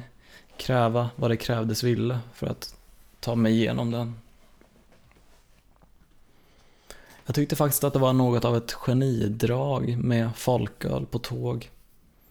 Det räknades inte som alkoholdryck för då skulle det inte säljas på Lidl och därför kunde personalen rimligtvis inte klaga. Vad skulle jag göra? Köpa någon dyr öl i bistron? Jag hade mig veterligen aldrig varit på ett tåg med bistrovagn. Vad var det för brackiga fasoner? Dessutom hade det inte kommit förbi minsta kontrollant under de fyra timmarna det tog att åka ner till Göteborg. Så jag skulle nog vara safe. Jag frågar Ante när hans tåg hade kommit innan. Jag vet inte varför jag blev förvånad när han sa att han hade tagit bilen. Min bild av vad en ålder var hade blivit så grundligt fackad av alla milfar hit och dit att jag såg Antes ålder, strax under 30, som fortfarande ett barn. Jag kom ju för fan från ute på vischan där bönderna körde A-traktor och de fisförnäma medelklassbruttorna körde en sån eh, mopedbil. Och även i den rikaste delen av Södertälje, där jag gick på högstadiet, tog de flesta moppekort och det var verkligen undantag snarare än regel att inte ha uppkörning på 18-årsdagen. Och det tror jag gäller för alla orter mindre än Stockholm, Göteborg, Malmö, Uppsala, Lund. Jag vet inte om det var att ha blivit stockholmare eller den radda kvinnor i sina 30-årsåldern jag hade mina mest formativa upplevelser med de senaste åren som hade fått mig att tappa perspektivet så, men något var det. Speciellt någon som kom från Örebro eller Nora eller var det nu var han kom ifrån. Det var inte det minsta konstigt.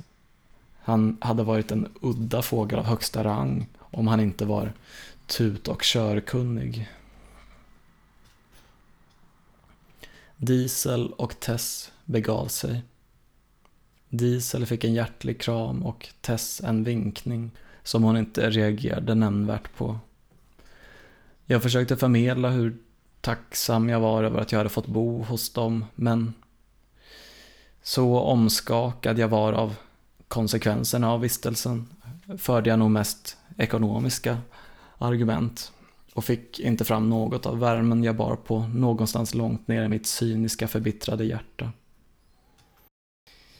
Det enda som fick mig att glömma min känslomässiga baksmälla var att sitta på perrongen med Ante och diskutera mina mer naggande relationella besvär.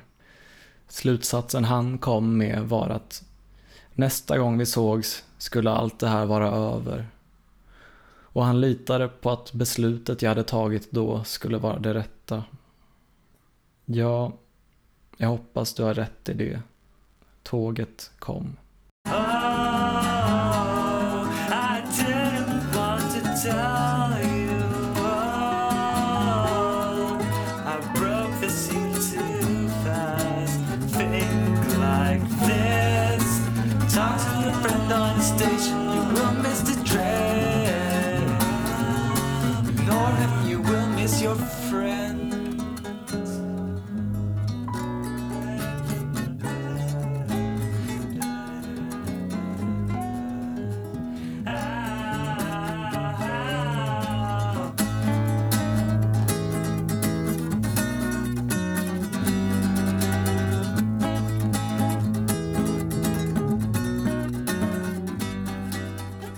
Jag satt på tåget och väntade på avgång och skrev lite mer med Emma. Min spontana känsla är att ångra att jag skrev överhuvudtaget.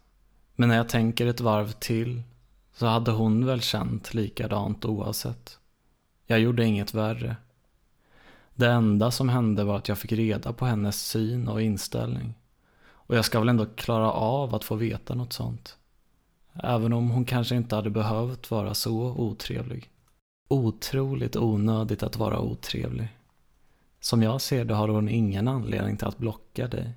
Jag tycker inte det verkar som att du begår några övergrepp. Alltså stakar, säger hotfulla saker, etc.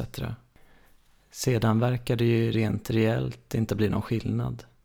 Skulle mitt ex blocka mig skulle det liksom inte bli någon praktisk skillnad överhuvudtaget. Alltså inget alls. Vi skriver ju inte till varandra. Så i det här fallet är det väl samma sak. Ni har inte haft någon kontakt. Så skillnaden är mer filosofisk än praktisk. Så här tror jag det är. När jag har skrivit tidigare under de här två åren har hon aldrig svarat, förutom en gång. Hon tycker det är tillräckligt tydligt i att kommunicera andemeningen Sluta skriva för fan. Sen skrev jag inte på typ tio månader och hon trodde hon blivit av med mig. Fast jag skrev, så hon blev tvungen att skriva det hon tidigare bara hade tänkt. Eftersom jag är en social idiot som inte kan läsa tankar. Men jag trodde ditt ex hade blockat dig överallt. Nej, jag har valt att göra som han sa, att inte kontakta honom. Det har varit exakt samma som att vara blockad. Det enda han gjorde var att avfölja mig på Instagram. Han är en rimlig människa i allt utom det här. Han gav tillbaka mina saker, eftersänder all post, säger inte en massa skit om mig till andra. Han vill bara inte att jag kontaktar honom och jag har med stor plåga och enorma besvär liksom lytt befallelsen. Han har raderat mig ur sitt liv och vill inte att jag ska dyka upp eftersom jag inte existerar. Så då gör jag inte det. Jag förfestade på en av burkarna och lyssnade på musik. Emma var inte redo än. En bit in på andra burken ringde det. Men det var inte Emma, det var min mor. Ett ovanligt trevligt och avslappnat samtal. Det hade jag väl pilsen att tacka för. Jag blev inte ens särskilt irriterad när hon ville diskutera min framtid, akademiska studier och truckkort och så vidare. Och när jag fick nog kunde jag uttrycka det istället för att hålla det undertryckt och kokande. När jag la på sa jag att Emma hade försökt ringa. Jag skrev att hon fick vänta några minuter medan jag gick och kissade. Jag gömde burkarna i spypåsen och begav mig mot närmsta facilitet. Jag kände på dörren. Låst. Jag stod i över tio minuter och blev mer och mer frustrerad. Vad kunde människan tänkas ha ätit? Sockerfria delicatobollar eller? Nästan så att jag fick lust att knacka på dörren och fråga när hen skulle vara färdig. Eller ja, den lusten hade jag i allra högsta grad, men det var nästan så att jag faktiskt gjorde det. Med tanke på kön som hade bildats i korridoren bakom mig var det bland det mest pinsamma jag varit med om. När jag, bara för att dubbelkolla, ryckte i dörren lite extra hårt och insåg att det hade varit ledigt hela tiden. Efter besöket skyndade jag mig genom havet av dömande blickar som en filmstjärna som undviker ett gäng paparazzi-fotografer. Emma och jag hamnade snabbt i ett bråk om svensk narkotikapolitik. Jag var för avkriminalisering där eh, resurser som användes till att bekämpa enskilda brukare lades på missbrukarvård istället. I min värld var det det enda rimliga. Men Emma fattade inte varför hennes hårt intjänade skattepengar skulle gå till vård för något jävla lowlife med så dålig självkontroll att de hade börjat punda. Jag förstod väl var hon kom ifrån men det kändes samtidigt som en så kall, nästan fruktansvärd människosyn. Jag försökte med rationella, pragmatiska argument istället för känslor. Eftersom hon inte hade några i frågan. Eftersom hon uppenbarligen inte hade någon i sin närhet som hade dött av en överdos. Det finns ju länder som har gjort som jag förespråkar med väldigt goda resultat. Jaså?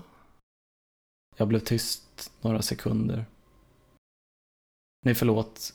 Förlåt, jag, jag vill inte bråka, sa jag. Nej, vadå? Fortsätt, svarade hon. Du var ju mitt inne i ett resonemang. Det är för övrigt det vi håller på med. Det är inget bråk. Jo! Nej. Jo! Men varför måste ni alltid diskutera allting? Torkel, vi diskuterar inte, vi grälar, eller hur? Nej. Jo, det gör vi, Leo! Nej. Jo, det gör vi! Ja... Portugal till exempel. Jaha. Jag blev osäker igen.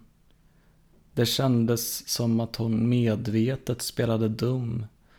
Som att hon med sin spelade okunskap skulle få mig att inse bristerna i mina argument och omvärdera min ståndpunkt. Den jävla sokratiska metoden, eller vad fan det heter. Men det märktes dock att hon blev frustrerad och hon manade mig att fortsätta. Emma kände inte till Portugals narkotikapolitik eller att de hade bland den lägsta narkotikarelaterade dödligheten i EU, påstod hon. Och att Sverige i jämförelse toppade listan per capita. Hon sa att hon själv skulle undersöka statistiken och kolla mina källor när vi hade pratat färdigt. Jag kunde fortfarande inte tro att det var sant utan misstänkte att hon ljög med tanke på hur intellektuellt överlägsen hon var mig på alla sätt och vis och all kunskap hon satt på. Hon måste ha ljugit för att sätta dit mig. Speciellt konstigt var det eftersom hon var ett så stort fan av Aron Flam. Det känns som han måste gjort ett tiotal avsnitt av dekonstruktiv kritik om hans syn på drogpolitik. Och även om jag instinktivt känner förakt gentemot hans konfrontativa och otrevliga persona är jag sympatisk i hans åsikter i den frågan och han känns som en som alltid källhänvisar in i minsta detalj när han för den sortens resonemang. Till slut lyckades vi ta oss förbi det där och samtalet avslutades på en positiv not. Vi pratade om att jag skulle åka och besöka henne innan hon lämnade England. Jag sa hur mysigt det skulle bli att ligga bredvid i hennes säng. Synd att jag somnar så tidigt och du så sent bara. Ja, du minns ju hur det var sist. Så flörtigt jag kunde sa jag.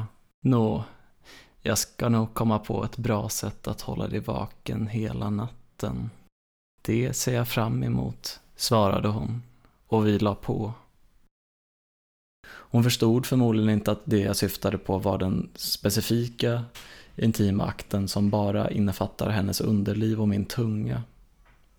Var det något jag ångrade med det magiska dygnet då vi sov i Nacka var vad, vad fan ön nu hette.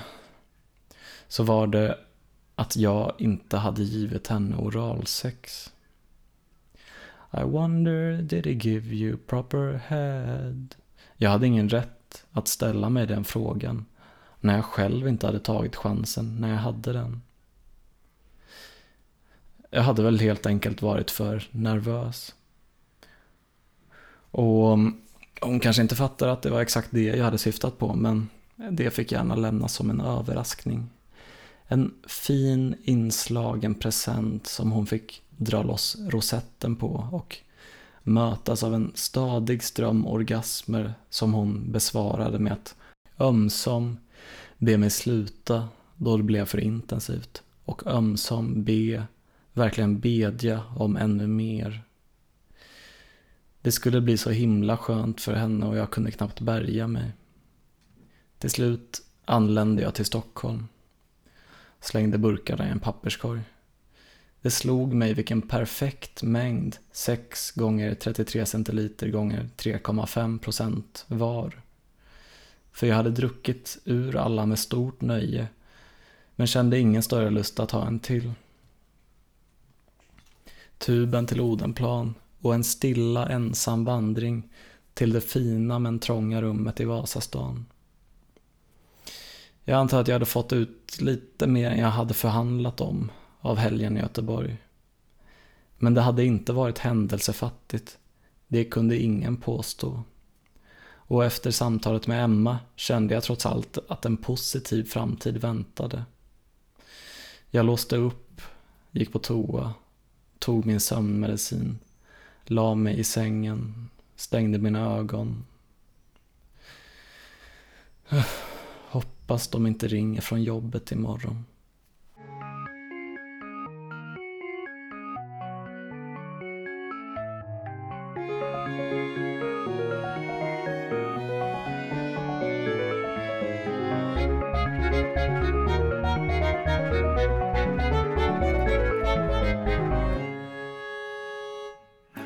Varför ska man inte bränna broar som ändå aldrig kunnat bära mig? Jag har ingen plan och ingen färdväg och ingen färd kostat förtära. Det är inte normalt, det är inte okej att missta sig så fatalt att tänka på yesterday.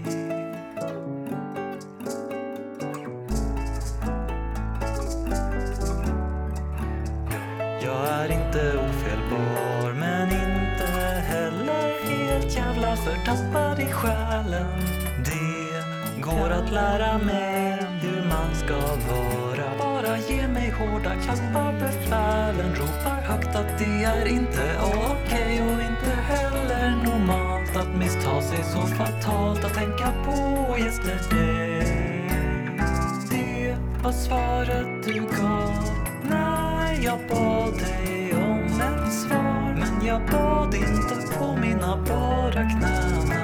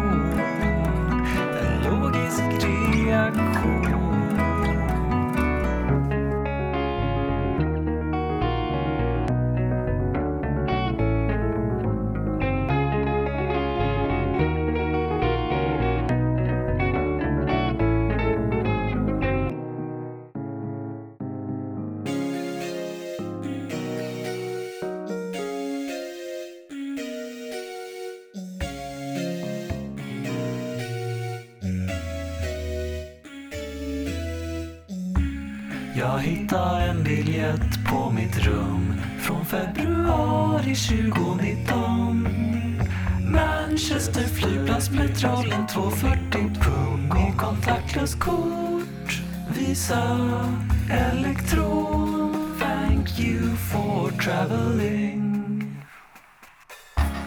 Nog har det slagit mig att åka dit den här årstiden när Didsbury är så fint. Ställ klockan fram. Ett värde det är så varmt och din arm är så brunbränd.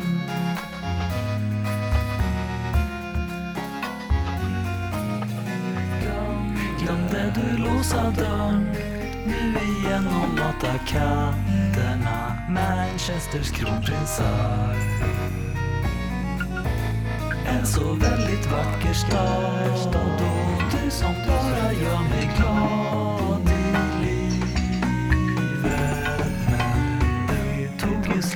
Snabbt och det var länge sen.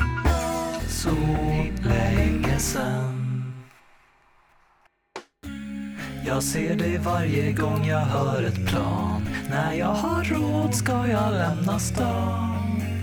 Enkel biljett och Metropolitan 240 fast med inflation. Visa elektron med kontaktlöst kort.